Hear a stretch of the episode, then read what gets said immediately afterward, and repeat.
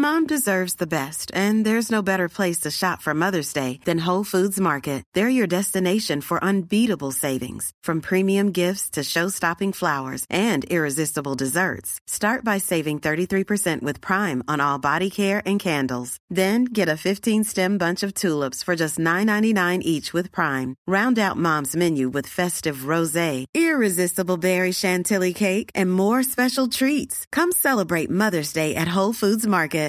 Everyone knows therapy is great for solving problems, but getting therapy has its own problems too, like finding the right therapist, fitting into their schedule, and of course, the cost. Well, BetterHelp can solve those problems. It's totally online and built around your schedule. It's surprisingly affordable too. Connect with a credentialed therapist by phone, video, or online chat, all from the comfort of your home. Visit betterhelp.com to learn more and save 10% on your first month. That's BetterHelp H E L P. When you're ready to pop the question, the last thing you want to do is second guess the ring. At Bluenile.com, you can design a one of a kind ring with the ease and convenience of shopping online. Choose your diamond and setting. When you find the one, you'll get it delivered right to your door. Go to Bluenile.com and use promo code LISTEN to get $50 off your purchase of $500 or more. That's code LISTEN at Bluenile.com for $50 off your purchase. Bluenile.com code LISTEN. Generaler, admiraler, medlemmer, gjester. Varmt velkommen til eh, enda et medlemsmøte i Oslo Militære Samfunn. Nå skal vi i Norge også nærme oss 2 %-regelen for bruk av penger på eh, Forsvaret. Noen hevder at det er litt lite kledelig at eh, Norge med våre økonomiske muskler er i ferd med å nærme oss det 2 %-målet som nesten alle andre i Nato har forpliktet seg til. Men når vi nå skal begynne å bruke så mye penger, så vet vi at det er noe som heter etterslep, og så vet vi at det er noe som heter investering i nye kapasiteter. Hva skal vi beskytte oss mot? Hvilken struktur faller ut av eh, det vi skal beskytte oss mot? skal ikke jeg stå og gi noen tanker om, men kanskje forsvarssjefen har noe informasjon til oss om hva som ligger i eh, Kjømda nå. General, talestolen er din. Takk skal du ha. Der virker lyden nå. Bra. Eh, da jeg gikk på som forsvarssjef 17.8.2020, eh, så overtok jeg etter Håkon Brun Hansen. Og NRK spurte meg ganske tidlig hvilken målsetning har du for utvikling av Forsvaret. Og jeg sa at jeg ønsker et forsvar som er likest mulig organisert, og som virker likest mulig i fred, som i krise, som i krig. Jeg mener at et forsvar som står klar hver dag, er den beste avskrekkinga vi kan ha. Hvis vi ikke er klar hver dag, så har vi heller ikke troverdig avskrekking. Og Forsvarets viktigste oppgave er jo nettopp å hindre krig. Da må vi ha troverdig avskrekking både som nasjon, vårt eget militære forsvar, i rammen av totalforsvaret, men også sammen med allierte og bilaterale partnere. Så det er sammen i dette forsvarskonseptet, vår egen nasjonale evne, vår kollektive evne i Nato og sammen med partnere, at vi sikrer troverdig avskrekking og sånn sett forhindre krig på nytt igjen. Så jo, eh, har det gått tre år da, siden jeg ble forsvarssjef. Og spørsmålet har vi fått til det som jeg tenkte. Svaret er nei. Vi har ikke fått det til. Men vi er på vei dit. Vi er på vei dit, og Det var også bakgrunnen for det fagmilitære rådet jeg ga. Og nettopp et forsvar som er klar til innsats, og som virker likest mulig i fred som i krise som i krig. Og så har det skjedd mye på de her tre årene. Eh, derfor kalte jeg også det fagmilitære rådet for 'trygghet i usikre tider'. Så jeg er veldig glad for den sjansen her til å både snakke litt om hva vi har gjort, men også om hvordan jeg ser for meg utviklinga fremover. Men ikke minst til å få spørsmål fra dere i publikum eh, på slutten av, av foredraget. Jeg har god tid. Jeg har ikke noe mer jeg skal gjøre i kveld. egentlig. Så Det eneste som, eh, som, stopper oss, det er jo middagen som dere har planlagt. Så der håper jeg kokken er litt fleksibel hvis det blir mye spørsmål. Hvis ikke så blir vi tidlig ferdig. det er ikke noe tvil om at, at sikkerhetssituasjonen har endra seg. Og siden 2020, mars 2020, før jeg gikk på som forsvarssjef, så fikk vi pandemien. Vi var gjennom en pandemi som prega Forsvaret, som prega Nato, som prega hele samfunnet. Det var en stor bekymring i starten av pandemien om at pandemien også skulle bli ikke bare en helseskrise, men også en sikkerhetskrise. Klarte vi i Norge, klarte Nato, å holde de militære kapasitetene operative gjennom pandemien? Det var ikke alle som var sikre på det. Det spørs, jo hvordan pandemien utvikla seg. Men heldigvis så klarte vi det. Vi klarte å kalle inn vernepliktige til førstegangstjeneste. Vi klarte å gjennomføre et minimum av øvelser. Vi kansellerte noen store øvelser. Vi, vi, fikk dispensasjon på kohorter som gjorde at vi kunne fortsette å styrkeprodusere eh, forsvaret vårt hver dag. I tillegg så fikk vi uttrekket fra Afghanistan våren og sommeren 2021. Som var en sjelsettende opplevelse også for meg eh, nesten 20 år etter at vi gikk inn i Afghanistan første gang. Det var en uttrekning som krevde en stor innsats fra hele Forsvaret og også fra våre allierte. Og det var jo med stolthet at vi så at de norske og amerikanske soldatene sto igjen til siste slutt. Det var to flagg igjen på flaggborgen. Det var det norske og det amerikanske. Og, og den innsatsen som ble lagt ned, både i forhold til å evakuere, men også i forhold til å ta imot folk her hjemme i Norge, syns jeg det står stor respekt av. Men det var noen dager i august 2021 som jeg aldri glemmer.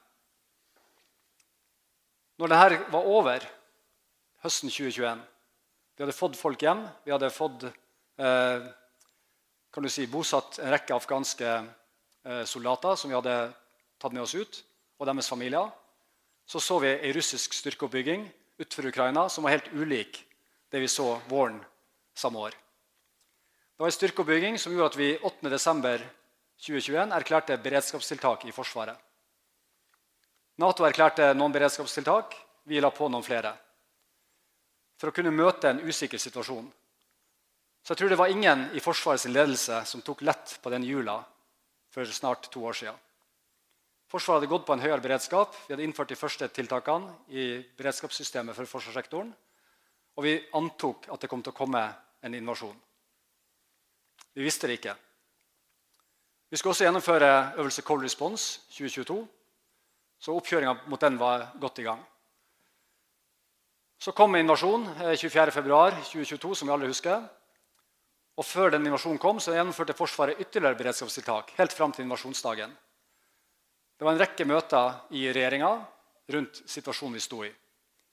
Når invasjonen skjedde, så eh, fortsatte vi å øke beredskapen samtidig som vi begynte å støtte Ukraina. Jeg kommer litt tilbake til det. Like etterpå så gjennomførte vi også øvelse Cold Response. Vi inviterte fortsatt russiske observatører til øvelsen. De takka nei pga. covid. Eh, men de var invitert. Det kommer ikke til å være aktuelt for meg å invitere russiske observatører på øvelse Nordic Response neste år. Det har endra seg. Vi hadde også besøk av den svenske og finske forsvarssjefen eh, blant annet, i Norge under øvelsen.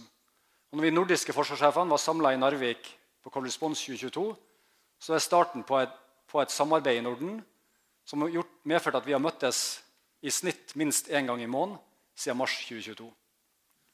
Fordi Da skjønte vi at Sverige og Finland kom til å søke Nato-medlemskap som en følge av invasjonen. Så mai 2022 da var søknaden et faktum, og siden da så har vi jobbet hardt for det nordiske forsvarssamarbeidet. Og ikke nok med det, så har det skjedd mange andre ting òg.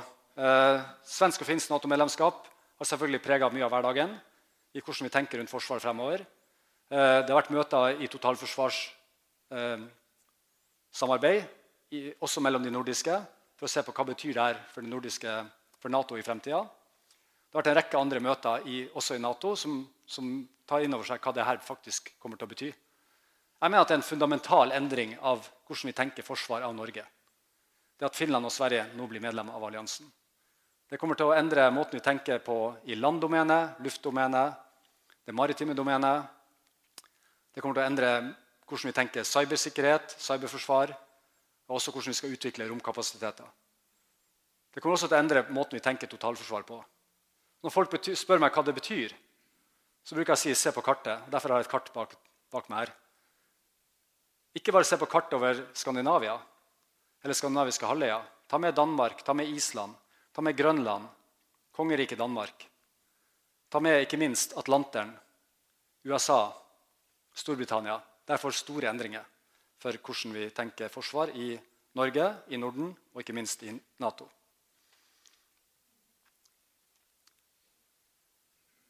Det vi står i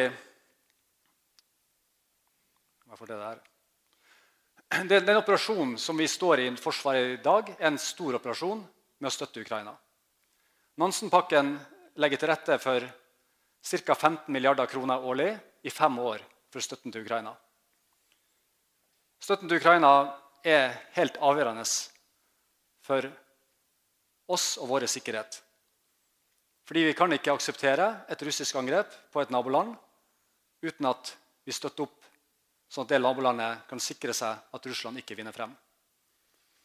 Jeg skal ikke gå inn på hele opplegget rundt den russiske invasjonen, men jeg skal si litt konkret om hva Forsvaret gjør. Så fra, fra februar 2022 så har vi operert i støtten til Ukraina langs fire operasjonslinjer. Nansen-pakken på 15 milliarder er nå bestemt at ca. halvparten sånn en, som, som, et plantall, går til militær støtte. Halvparten til kan du si, sivil og humanitær støtte. 7,5 milliard hvert år i fem år. Det gir oss en plan, planhorisont i Forsvaret, men også i, i, um, for ukrainerne, som gjør at vi kan legge langsiktige planer. Vi jobber langs fem operasjonslinjer nå i støtten til Ukraina. Det ene er at vi utdanner og trener ukrainske soldater. Vi gjør det hjemme i Norge, vi gjør det i Storbritannia, vi gjør det i Tyskland, vi har gjort det i Polen, vi gjør det i Litauen med f.eks. mineryddere. Det kommer til å foregå i lang, lang tid. En stor, eh, en stor operasjon som krever mange norske soldater for å lære opp de ukrainske soldatene. Det andre vi gjør, er at vi donerer materiell fra Forsvaret. Vi har donert alt fra i starten eh, kan du si, beskyttelsesutstyr, hjelmer, soveposer og sånne ting, til artilleri, luftvern, ammunisjon Ganske tunge donasjoner fra, norsk, eh, fra norske lagre. Det, jo, det, tredje er jo et samarbeid med industrien, der industrien også leverer materiell til, til Ukraina som vi enten er med på å finansiere alt eller deler av. Enten i et nordisk samarbeid, i et nordisk-britisk samarbeid i forskjellige eh, konstellasjoner.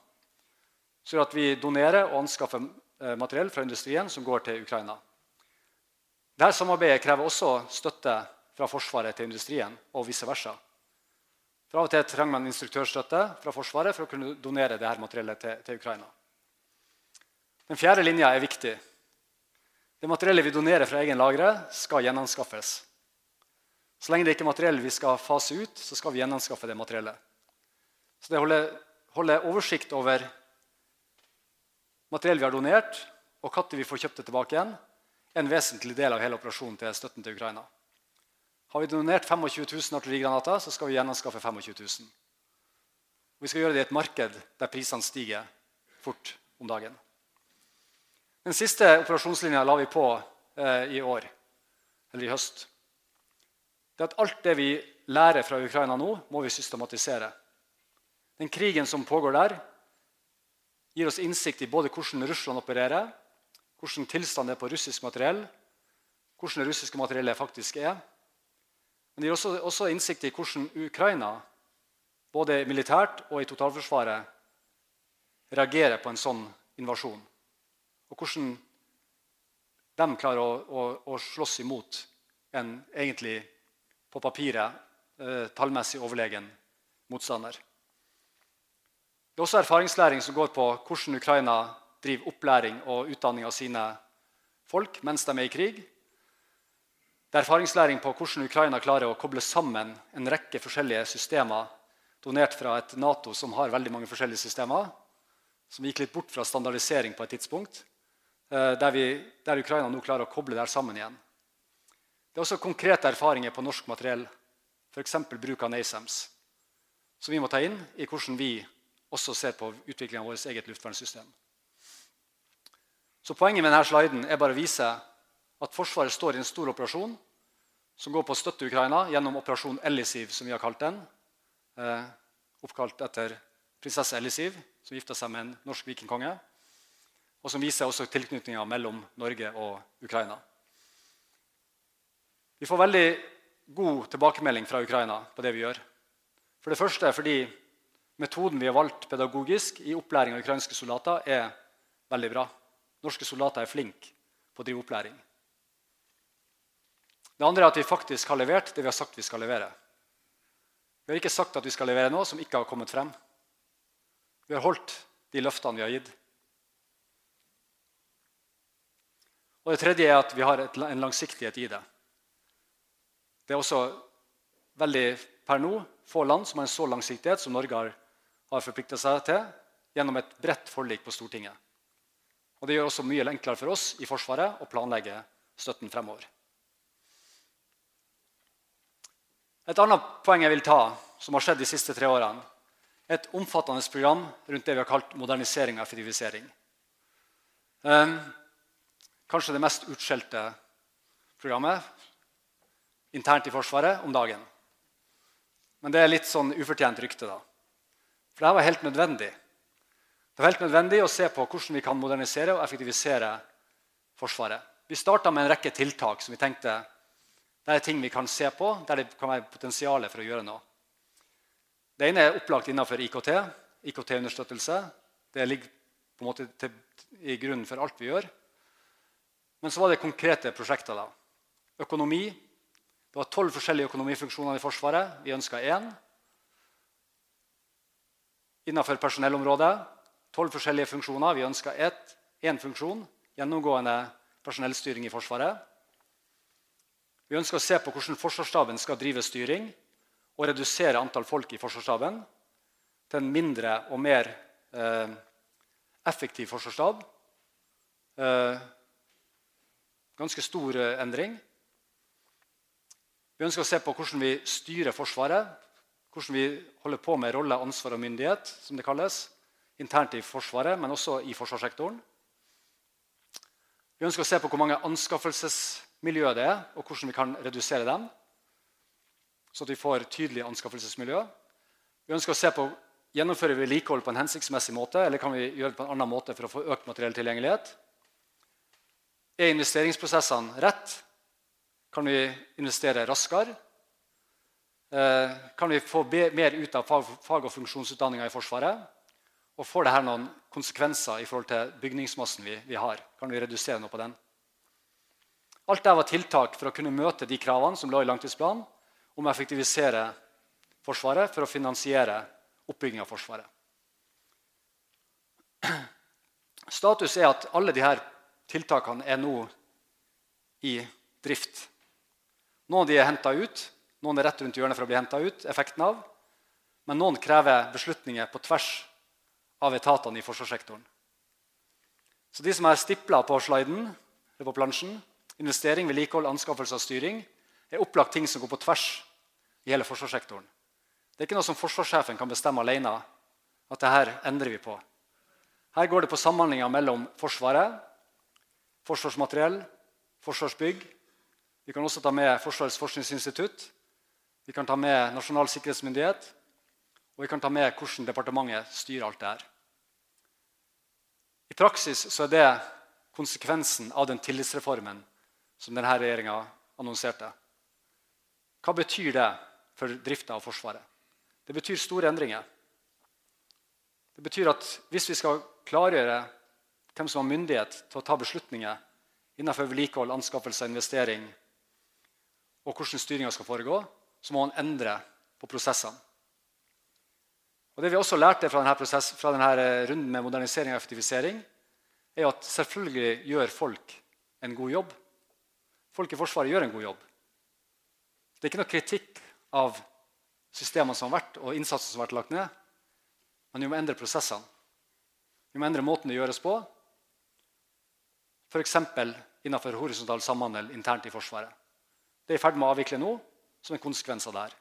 Vi trenger ikke lenger den modellen. Vi kan avvikle den. Vi trenger ikke at Hæren handler ammunisjon hos FLO.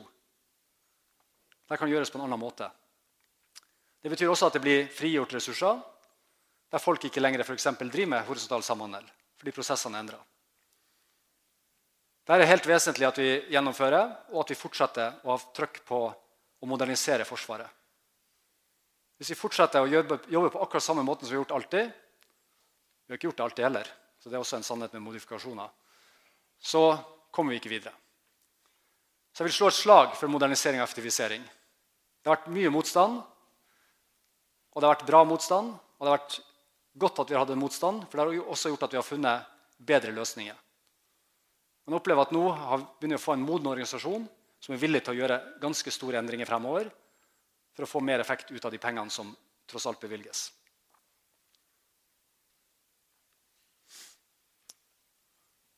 Der er det feil overskrift, så det skylder jeg på noen andre. Det, det, som, skulle stå der var, det som skulle stå der, var at eh, Forsvaret sitt arbeid med kultur og profesjon. Vi har vært gjennom en, et år der NRK, VG, Aftenposten, mange medier har satt fokus på kulturen i Forsvaret. Grunnen til at jeg har følt at jeg har stått støtt i det, er pga. arbeidet som ble gjort før. Der starta ikke med meg. Der arbeidet starta med egentlig den første store undersøkelsen om mobbing og seksuell trakassering i Forsvaret, som ble gjennomført i 2018. Jeg husker veldig godt det møtet vi hadde etter den undersøkelsen. Hvordan skal vi jobbe for å endre kulturen i Forsvaret? Det ble jobba langs mange linjer. Det ble gjort en rekke tiltak. Men jeg opplevde at det ikke var en nok kriseforståelse i Forsvaret når jeg gikk på som forsvarssjef òg. There's never been a faster or easier way to start your weight loss journey than with PlushCare. PlushCare accepts most insurance plans and gives you online access to board-certified physicians who can prescribe FDA-approved weight loss medications like Wigovi and Zepbound for those who qualify. Take charge of your health and speak with a board-certified physician about a weight loss plan that's right for you. Get started today at plushcare.com slash weight loss. That's plushcare.com slash weight loss. plushcare.com slash weight loss. Burrow's furniture is built for the way you live. From ensuring easy assembly and disassembly to honoring highly requested new colors for their award-winning seating, they always have their customers in mind. Their modular seating is made out of durable materials to last and grow with you. And with Burrow, you always get fast, free shipping. Get up to 60% off during Burrow's Memorial Day sale at burrow.com slash ACAST. That's burrow.com slash ACAST. burrow.com slash acast. Så jeg satt verdiene som pri i 2020. Vi må etterleve verdiene våre hver dag. Og så kommer sakene i 2022 med både filming i dusjen eh, En eh, ansatt i Forsvaret som blir bedt om å lyge til politiet. En rekke sånne saker som NRK trekker frem. Fra 2009 og fram til 2022. Vi trodde vi også gjorde en rekke tiltak for å få, få um, bukt med dette problemet. Det, det er kalt en indre fiende.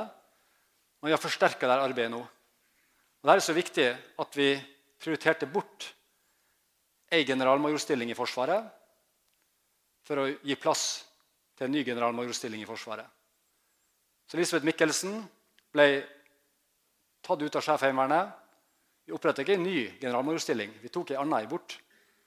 Fikk ansvaret for å jobbe videre med hvordan vi skal utvikle hele profesjonen og hele kulturen i Forsvaret.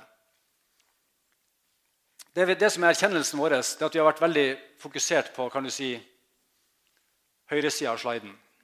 Vi har vært fokusert på struktur, strukturelle endringer, prosesser, utstyr og teknologi, varsling, den type ting. Mens det vi må endre er kultur, samarbeidsklima og vi må ha en ledelse som tar ansvar. På alle nivå. Og Min påstand er fortsatt at lokale kriser håndteres best lokalt. Hvis de ikke håndteres godt lokalt, så vil dette eskalere til å bli en stor krise også for Forsvaret. Da må vi også sørge for at de folkene som er lokalt, har de hjelpemidlene de trenger for å kunne håndtere krisen lokalt. Vi har valgt å jobbe videre med dette innenfor det som også arbeidstakerorganisasjonene er enige om. Vi skal bevare det tette samarbeidet mellom arbeidsgiver, tillitsvalgt og ansatt i all håndtering av varsling og trakasseringssaker. Det er på det kan du si, reaktive sporet. Det viktigste arbeidet vi skal gjøre, er på forebygging og, eh, og um, kulturendringer. Og Der kommer det til å bli iverksatt flere tiltak fremover som er helt nødvendig for at vi skal endre det her. Vi har allerede gjort ting som f.eks. å lage et felles rekruttprogram for alle som skal inn i Forsvaret, der, der hvordan man skal oppføre seg mot hverandre, er en del av den grunnleggende pakken når man starter i Forsvaret. Men vi må se på hele Forsvaret, og vi må erkjenne at det er ikke noe som enkelte tiltak kan fikse. Det handler om en kultur, det handler om en samarbeidsklima, det handler om en ledelse, det handler om en struktur, det handler om systemer for både å forebygge og motvirke alle tiltakene. Det som er positivt, er jo at nå begynner andre å se til Forsvaret òg. Så den undersøkelsen som jeg refererte til, som er gjennomført i 2018, mobbing og seksuell trakassering, den var unik i forskningssammenheng. Fordi vi spør ikke bare om de alvorligste overgrepene. Vi spør om det som kalles kjønnstrakassering, som vi i Forsvaret definerer som seksuell trakassering. Så Hvis noen påstår at jeg ikke kan være forsvarssjef i 2023 fordi jeg er mann, så er det kjønnstrakassering. Det der legger vi lista. Ut fra teorien som forskerne har kommet opp med, om at hvis du starter med å tillate de uskyldige, som noen mener, de kommentarene, så er du allerede på en farlig vei. Derfor har vi lagt lista høyt. Derfor skal vi også lykkes med dette arbeidet. her. Det er jeg overbevist om. Folk ønsker en endring her. Folk ønsker et godt miljø i Forsvaret. Og jeg står fortsatt for det jeg har sagt. Forsvaret preges ikke av en ukultur. Det mener jeg. Jeg mener at Forsvaret preges av en kultur der folk løser oppdrag og tar vare på hverandre. Men vi må hele tida luke ut alle eksemplene på uakseptabel oppførsel. Sånn er det. Sånn er det ikke bare i Forsvaret, sånn er det også i store deler av samfunnet for øvrig. Da kommer jeg over på litt mer det fagmilitære som du hinta om i innledninga. Det er mange måter å se Forsvaret på. Eh, her er en måte som jeg har valgt, og som ikke alle er enig i. Eh, det er kanskje en måte å se Forsvaret på som er prega litt av min bakgrunn. jeg vet ikke. Men poenget med sliden her er at Forsvaret er ikke fra toppen og ned. Forsvaret er fra fronten og bak. Forsvaret handler først og fremst om folk. Derfor har jeg de folkene ytterst til høyre for dere. Det er de som utgjør Forsvaret. Det er folkene som møter opp til førstegangstjeneste. Det er folkene som flyr flyene våre. Det er folkene som seiler fartøyene våre. Det er folkene som bemanner bataljonene våre. Det er folkene som sørger for at logistikken kommer frem. Det er folk som sørger for at Ukraina får det de trenger. Det handler om folk. Og det handler om de folkene som står i front. Så krigen i Ukraina har vist oss det samme. Det ukrainerne spør om, er avdelinger til fronten. Jeg har ennå ikke fått et spørsmål fra Ukraina om hvordan de kan videreutvikle integrert strategisk ledelse. Jeg har ikke gjort det. Det er ikke tida for det. Vi har fått noen spørsmål rundt anskaffelser. så Forsvarsmateriellet er godt inn i det. Og det har med antikorrupsjonsarbeid i Ukraina. Men det meste vi får spørsmål om, handler om det som er foran sjefene i Forsvaret. Det handler om materiell og personell. Og hvordan det skal virke sammen. Så Forsvaret handler først og fremst om folk. Derfor sier vi også at folkene er den viktigste ressursen i Forsvaret. Og Det viser også krigen i Ukraina. Det er folkene i Ukraina som sørger for at Russland ikke vinner. Først og fremst. En ukuelig forsvarsvilje og et lederskap som er annerledes enn det russiske. Så det handler om det her. Vi har veldig ofte en tendens til å begynne å diskutere det som er lengre bak. Vi må sørge for at de, de avdelingene vi har ute, har det de trenger for å kunne operere. Flystasjonene våre, Marin, Kystvakta, Finnmark landforsvar, Brigade Nord. forsyningsavdelingen i FLO, verkstedene våre, personell- og vernepliktssenteret De må sørge for at ting skjer. Ikke sant? Og så har vi organisert Forsvaret på forskjellige måter. Jeg velger denne måten her. Bak hver soldat så finnes det en eller annen sjef. Og Vi har valgt å dele inn i hær, sjø, Luftforsvaret, Heimevernet, Forsvarets spesialstyrker, Cyberforsvaret, Forsvarets logistikkorganisasjon, Forsvarets sanitet. Det er avdelinger som leverer si, operativ evne hver dag. De avdelingene, de sjefene der, har vi, og det gjorde forgjengeren min eh, gjorde det grepet, gjorde dem om fra generalinspektører til styrkesjefer. Det var et viktig grep. Det er et helhetlig ansvar for å lede sin organisasjon i fred som i krise som i krig. Ikke bare produsere styrker som skal legges under kommando av FHO. Vi skal lede dette hver dag. Og så har vi valgt da å legge store deler av den strukturen under sjef Forsvarets operative hovedkvarter sin kommando. Det betyr at sjef Forsvarets operative hovedkvarter i Bodø det er han som leder operasjoner på mine vegne hver dag. Det betyr også at vi er godt posisjonert for det nye Nato-planverket, der man forventer at nasjonene skal stille styrker på kort, midler og lang beredskap, og som raskt kan legges under Nato-kommando. De grepene har vi gjort allerede. Det at vi har et operativt hovedkvarter med delegert myndighet, det at vi har styrkesjefer som ligger under hans kommando, gjør at vi er kommet veldig langt i organisering av Forsvaret. Så har vi Etterretningstjenesten, som har sitt mandat. Vi har Louise Dedichen i militærmisjonen i Brussel, som holder kontakt med Nato. Og så har vi Forsvarsstaben, som selvfølgelig jobber for meg, med spesielt utviklinga og økonomistyringa av Forsvaret. Så Virksomhetsstyring og virksomhetsutvikling det er egentlig det Forsvarsstaben driver med. Det er også grunnen til at vi kan endre på Forsvarsstaben med å definere hvem gjør hva. Vi har kommet langt i dette arbeidet, men det gjenstår fortsatt noe. Så har vi valgt å ta ut noen avdelinger som vi har lagt kan du si, ikke under sjef Forsvarets operative hovedkvarter sin kommando. Det ene er Forsvarets høgskole, som står for all nivådannende utdanning. Det andre er Personell- og vernepliktssenteret, som nå får et ansvar for all personell- og vernepliktsforvaltning i hele Forsvaret. Helhetlig. Egentlig en fortsettelse av den, den reformen som starta for noen år siden. Og så har vi valgt å legge alt vi ikke vet hvor vi skal legge den, for å si det enkelt, i Forsvarets fellestjenester. Det er, en rekke ting, funksjoner vi er helt avhengig av, som leverer tjenester til hele Forsvaret. Arkivtjeneste, eh, tro- og livssynskorpset, Forsvarets kommunikasjonsavdeling, som driver med både rekruttering og, og beholderkampanjer. En rekke sånne funksjoner som ligger under Forsvarets fellestjenester. Vi skal videreutvikle denne skissa. Og vi skal sørge for at den organisasjonen vi har i Forsvaret hver dag i fredsdriften, er likest mulig den organisasjonen vi har i Forsvaret når vi er på krigsfot, for å si det enkelt. Og at den organisasjonen som vi har hver dag i Forsvaret, raskest mulig også kan legges under Nato-kommando. Et annet poeng med denne skissa her er at vi i Forsvaret vi har belønna folk for å forsvinne fra fronten. Vi gitt både opprykk i grad og opprykk i lønn med å gjennomføre det som jeg kaller bakrykk. Jeg starta en gang ute der i fronten som soldat.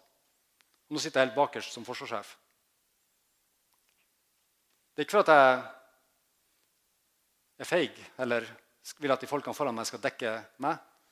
Men jeg tenker at jeg skal dekke ryggen deres. Det er også en kulturell endring i Forsvaret. Hvor er det vi ønsker at folk skal tjenestegjøre lengst mulig? Vi ønsker at de skal tjenestegjøre lengst mulig ute i de operative delene av Forsvaret. Der vi er avhengig av spesielt kompetanse og erfaring for å øke tryggheten. Da må vi se på hele insentivordninga vår. Hva er det vi egentlig belønner? Belønner vi rett? Har vi gode arbeidsforhold for de som seiler fartøyene våre hver dag? Eller er det et stressnivå å være skipssjef som gjør at du bare holder ut i noen år?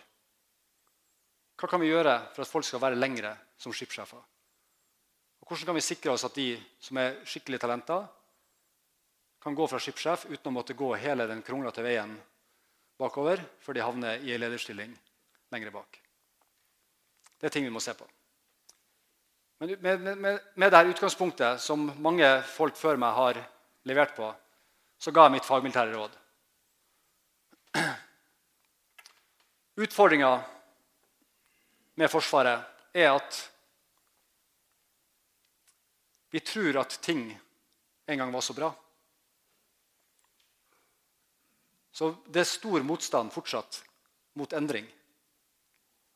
Og Jeg har mange ganger spurt når var ting så bra da. Var det, i, var det i 1628, når Hæren ble oppretta? Var ting bra da? Vil vi tilbake dit? Det var sikkert bra akkurat da, men vi vil ikke tilbake igjen dit. Når vi skulle løsrive oss fra Sverige i 1905, var Forsvaret bra da? Ja, det er litt sånn, eh, Jeg er litt fornøyd med at det ikke ble krig, egentlig. Ikke noe stor krig, i hvert fall. Det var ikke så bra, det heller. Var det bra 9.4.1940? Nei, De fleste er enige om at det ikke var så bra da. Var det bra i 1991, eh, jeg dro til Libanon første gang? Nei, jeg syns ikke oppsetningsperioden og kanskje utstyret vi hadde, var så bra. Skal jeg være helt ærlig. Var det bra når vi dro til Afghanistan første gang? Eller Kosovo? Når F-16 kunne kun fly luftstøtte, holdt jeg på å si, luftcap, og ikke gi bakkestøtte, var det bra da? Nei. Når eh, amerikanerne lurte på om vi skulle gå til Balkan med TMB-en, for det tok så lang tid Nei, det var kanskje ikke så bra da heller. Så vi må erkjenne at vi må utvikle oss kontinuerlig. Det var mange ting som var bra i 1628, det var mange ting som var bra i 1940 òg. Men det var ikke bra nok. Så vi må utvikle Forsvaret. Men utgangspunktet for å utvikle Forsvaret mener jeg, i dagens forsvar er godt. Derfor skissa, fikk vi lagd en skisse her. Utgangspunktet er bra. Det er gjort veldig store endringer i Forsvaret gjennom mange år. Vi har et ganske solid fundament. Vi har vært gjennom store endringer i forhold til veldig mange andre land sine forsvar. Fordi vi har ligget der vi har ligget. Fordi vi har sjefer som har sett fremover hele tida og ønska å utvikle Forsvaret. Så det er gjort store endringer. Så utgangspunktet er bra. Men det er for lite. Og det er store mangler også i dagens forsvar. Og de manglene kan man diskutere. Hvor mye snakker vi om? Forsvarets forskningsinstitutt, som lager den, det, det, vi har kalt forsvarsanalysen De begynte med det i 20, Jeg ga dem oppdrag i 2021 om å lage Nei, 2020. De lagde forsvarsanalysen 2022 da, i løpet av 2021.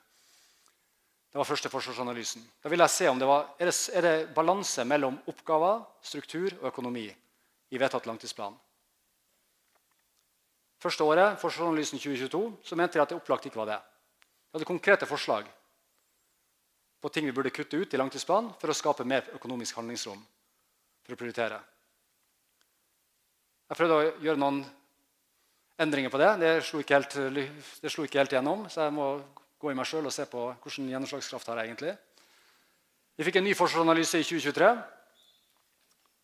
som mener at det i gjeldende langtidsplan så er det 30 milliarder i minus på å finansiere det ambisjonsnivået som er lagt gjeldende langtidsplan. Så kommer jeg og sier at ja, det er mye mer. Det er 50-80 milliarder kroner i minus. Og det er uten å plusse på en eneste ekstra kapasitet. Det er ingenting ekstra. Det er gjeldende langtidsplan fram til 2028.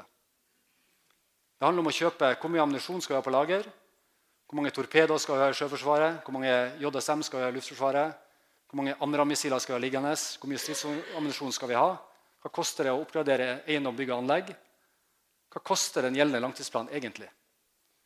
Med et ambisjonsnivå der vi, er, der vi har nok forsyninger for i hvert fall de første 30-40 dagene av en, av en kamp. Derfor tallene varierer så mye. Forsvarets forskningsinstitutt tar utgangspunkt i det ambisjonsnivået som var lagt, der man tok betydelig risiko på eiendom, bygg og anlegg. Ikke vedlikeholde de. Prioritere operative, mer operative kapasiteter enn personellrelatert eiendom, bygg og anlegg. Der man ikke kjøpte inn bevisst nok missiler Kjøpte bare inn et, et eh, lavere antall. Derfor varierer tallene mellom 30 til 80 milliarder. Men begge tallene er rett, av hvilket ambisjonsnivå du velger. Så mener jeg at i tillegg da, og det er det jeg snakker om utbedre svakheter av dagens struktur, i tillegg så er det opplagt, opplagt for alle, og det påpekte både jeg og forrige forsjef, at vi må ha mer luftvern. Vi må satse på langtrekkende presisjonsild.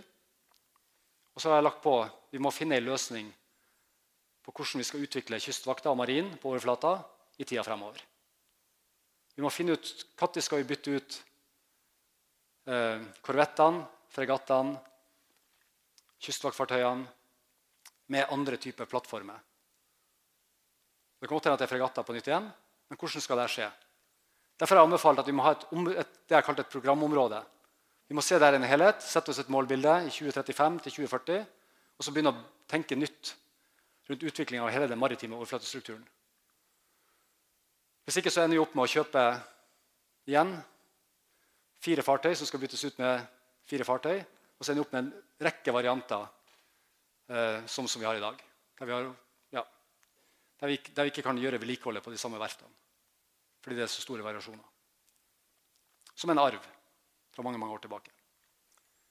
Og så mener jeg også at vi må øke Forsvarets volum.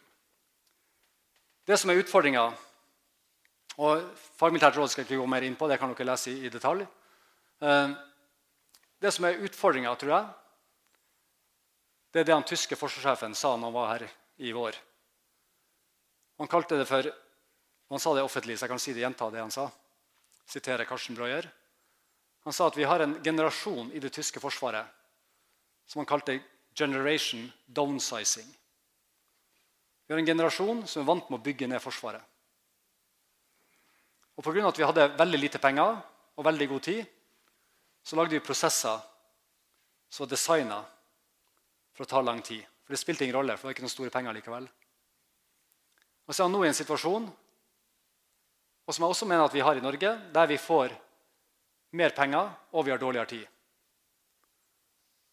Så hvordan skal vi klare å snu en kultur som handler om å prøve å bevare det vi har, i en tid med lite bevilgninger, til en kultur som skal endre og satse på et forsvar i en tid med økte bevilgninger? Og Så gjenstår det å se da, hvor store de bevilgningene de, blir. Men det vil jo være en del av det langtidsplansarbeidet som skjer fram mot neste år.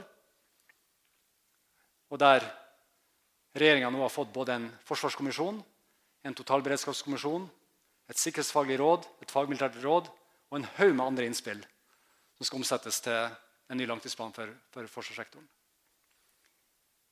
Så jeg mener fortsatt at navnet var rett på fagmilitært råd. Det handler om trygghet i usikre tider. Vi vet ikke hva som kommer til å skje med Russland om fem til ti år. Vi vet ikke hva som kommer til å skje i Midtøsten, i Sahel. Vi ser ennå ikke helt konsekvensene av finsk og svensk Nato-medlemskap. Men det vi vet, er at vi står overfor mer usikre tider.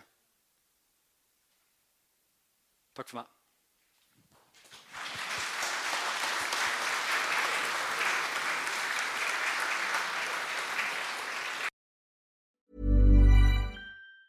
Mom deserves the best, and there's no better place to shop for Mother's Day than Whole Foods Market. They're your destination for unbeatable savings, from premium gifts to show-stopping flowers and irresistible desserts. Start by saving 33% with Prime on all body care and candles. Then get a 15-stem bunch of tulips for just $9.99 each with Prime. Round out Mom's menu with festive rosé, irresistible berry chantilly cake, and more special treats. Come celebrate Mother's Day at Whole Foods Market. Hey, it's Danny Pellegrino from Everything Iconic.